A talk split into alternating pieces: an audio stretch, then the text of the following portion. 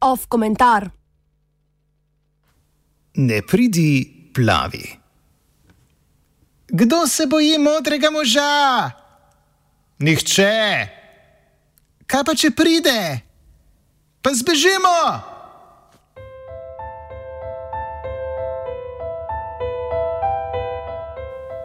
Pomočjo otroške igre so nas vzgojitelji in vzgojiteljice že v vrtu navajali na represivni element delovanja skrbnikov notranjega miru in reda v državi - policije a kasnejša indoktrinacija v pravičnost, neizbežnost in nezmotljivost enega in edinega pravega svetovnega sistema, kapitalizma, skozi šolski sistem in splošno družbeno dogajanje, nam je v času odraščanja zameglila pravo podobo junakov v modrih uniformah. Rezultat indoktrinacije se najbolje kaže ob vsakokratnih posredovanjih policije na protestih, ko ne moremo razumeti, da policija, ki je poosebljena različica državnega monopola nad nasiljem, ne ščiti svojih državljanov. Še več, policija posreduje proti državljanom, da bi zaščitila interese nečesa ali nekoga drugega.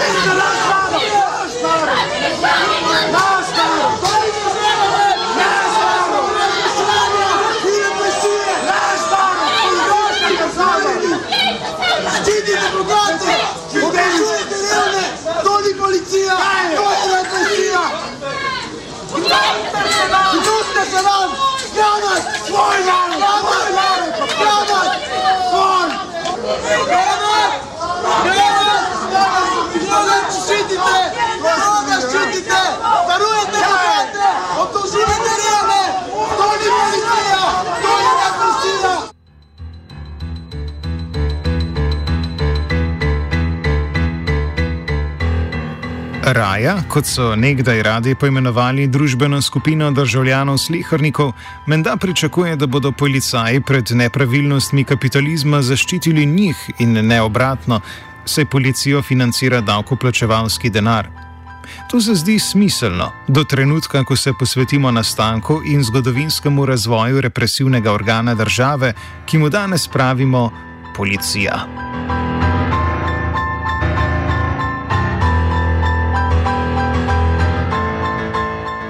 Največja varnostna sila za zagotavljanje pravnega reda države, kot rada policija definira samo sebe, je bila na območju današnje Republike Slovenije vzpostavljena pred 170 leti v času cesarja Franca Jožefa v takratnem avstrijskem cesarstvu.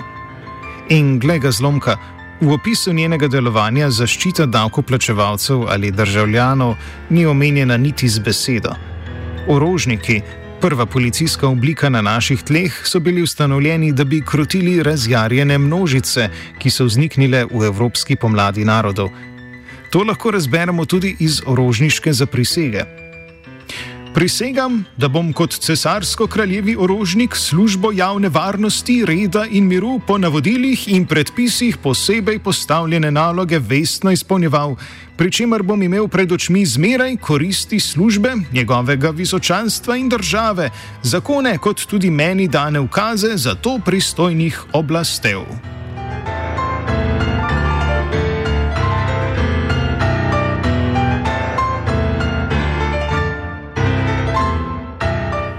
Ne zadržujmo se predolgo v predkapitalistični zgodovini slovenskega naselitvenega prostora, saj se vloga policije v letih med obema svetovnima vojnama nikaj prida preoblikovala. Dikcija se je med drugo svetovno vojno in po njej sicer spremenila, saj je milica zvestobo prisegala pridobitvam narodno-osvobodilnega boja ter bratstvu in enotnosti med narodi Jugoslavije. Tudi ta zvestoba je hitro potonila v pozabo, ko so nastopile slavne in prevečkrat opevane demokratične spremembe v družbi ob osamosvojitvi Slovenije. Miličniki so v novi državi 2. februarja leta 1992 postali policisti. Zvestobo pridobitvam NOB ter bratstvu in edinstvu na papirju so zamenjali za visoko leteči koncept človekovih pravic. Citiramo: Slovesno prisegam, da bom pri izvajanju nalog vestno, odgovorno, humano in zakonito izpolnjeval svoje naloge ter spoštoval človekove pravice in temeljne svoboščine.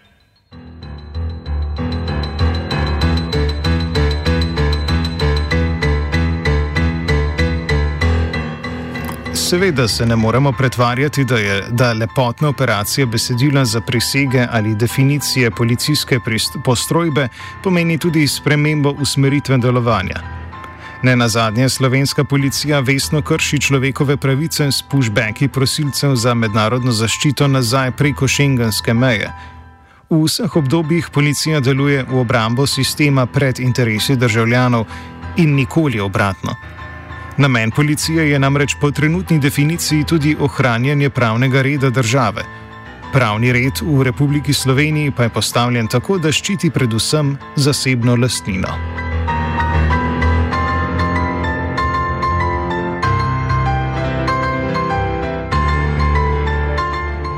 In vendar se nam vsakič znova zdi, da nas je policija, da nima z uporabo prekomerne sile na protestih ali z ignoriranjem zločinov kapitala nad državljani, davkoplačevalci, izdala.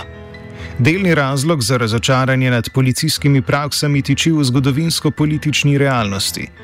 Ministrstvo za notranje zadeve je v tranzicijskem času praviloma pripadalo kadrom propadle stranke LDS ki se je deklarativno borila za interese tako imenovanega srednjega razreda ali male buržoazije.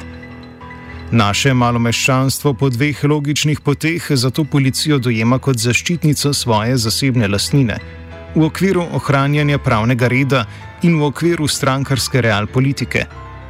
Razočaranje, ki ga zasebni lastniki občutijo ob domnevni izdaji policije, se rado prelije na preostalo skupnost predvsem takrat, ko so ogrožene pravice zasebne lastnine in se boj za njene pravice prikrade med protestniške slogane, če že malomeščani slučajno ne prevzamejo protestniške pobude.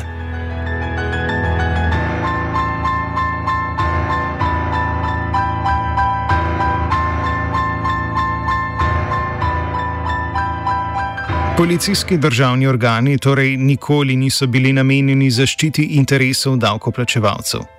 Če se izognemo uporabi koncepta delovskega razreda, da nas bodo razumeli tudi liberalci, ki besedo državljan razumejo le v okviru plačevanja davkov.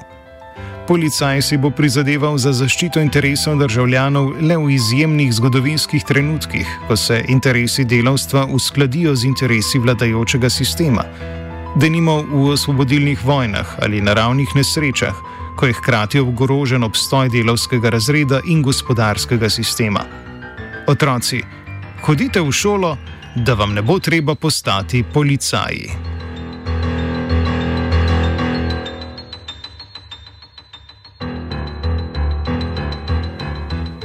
Still virant, still not loving police.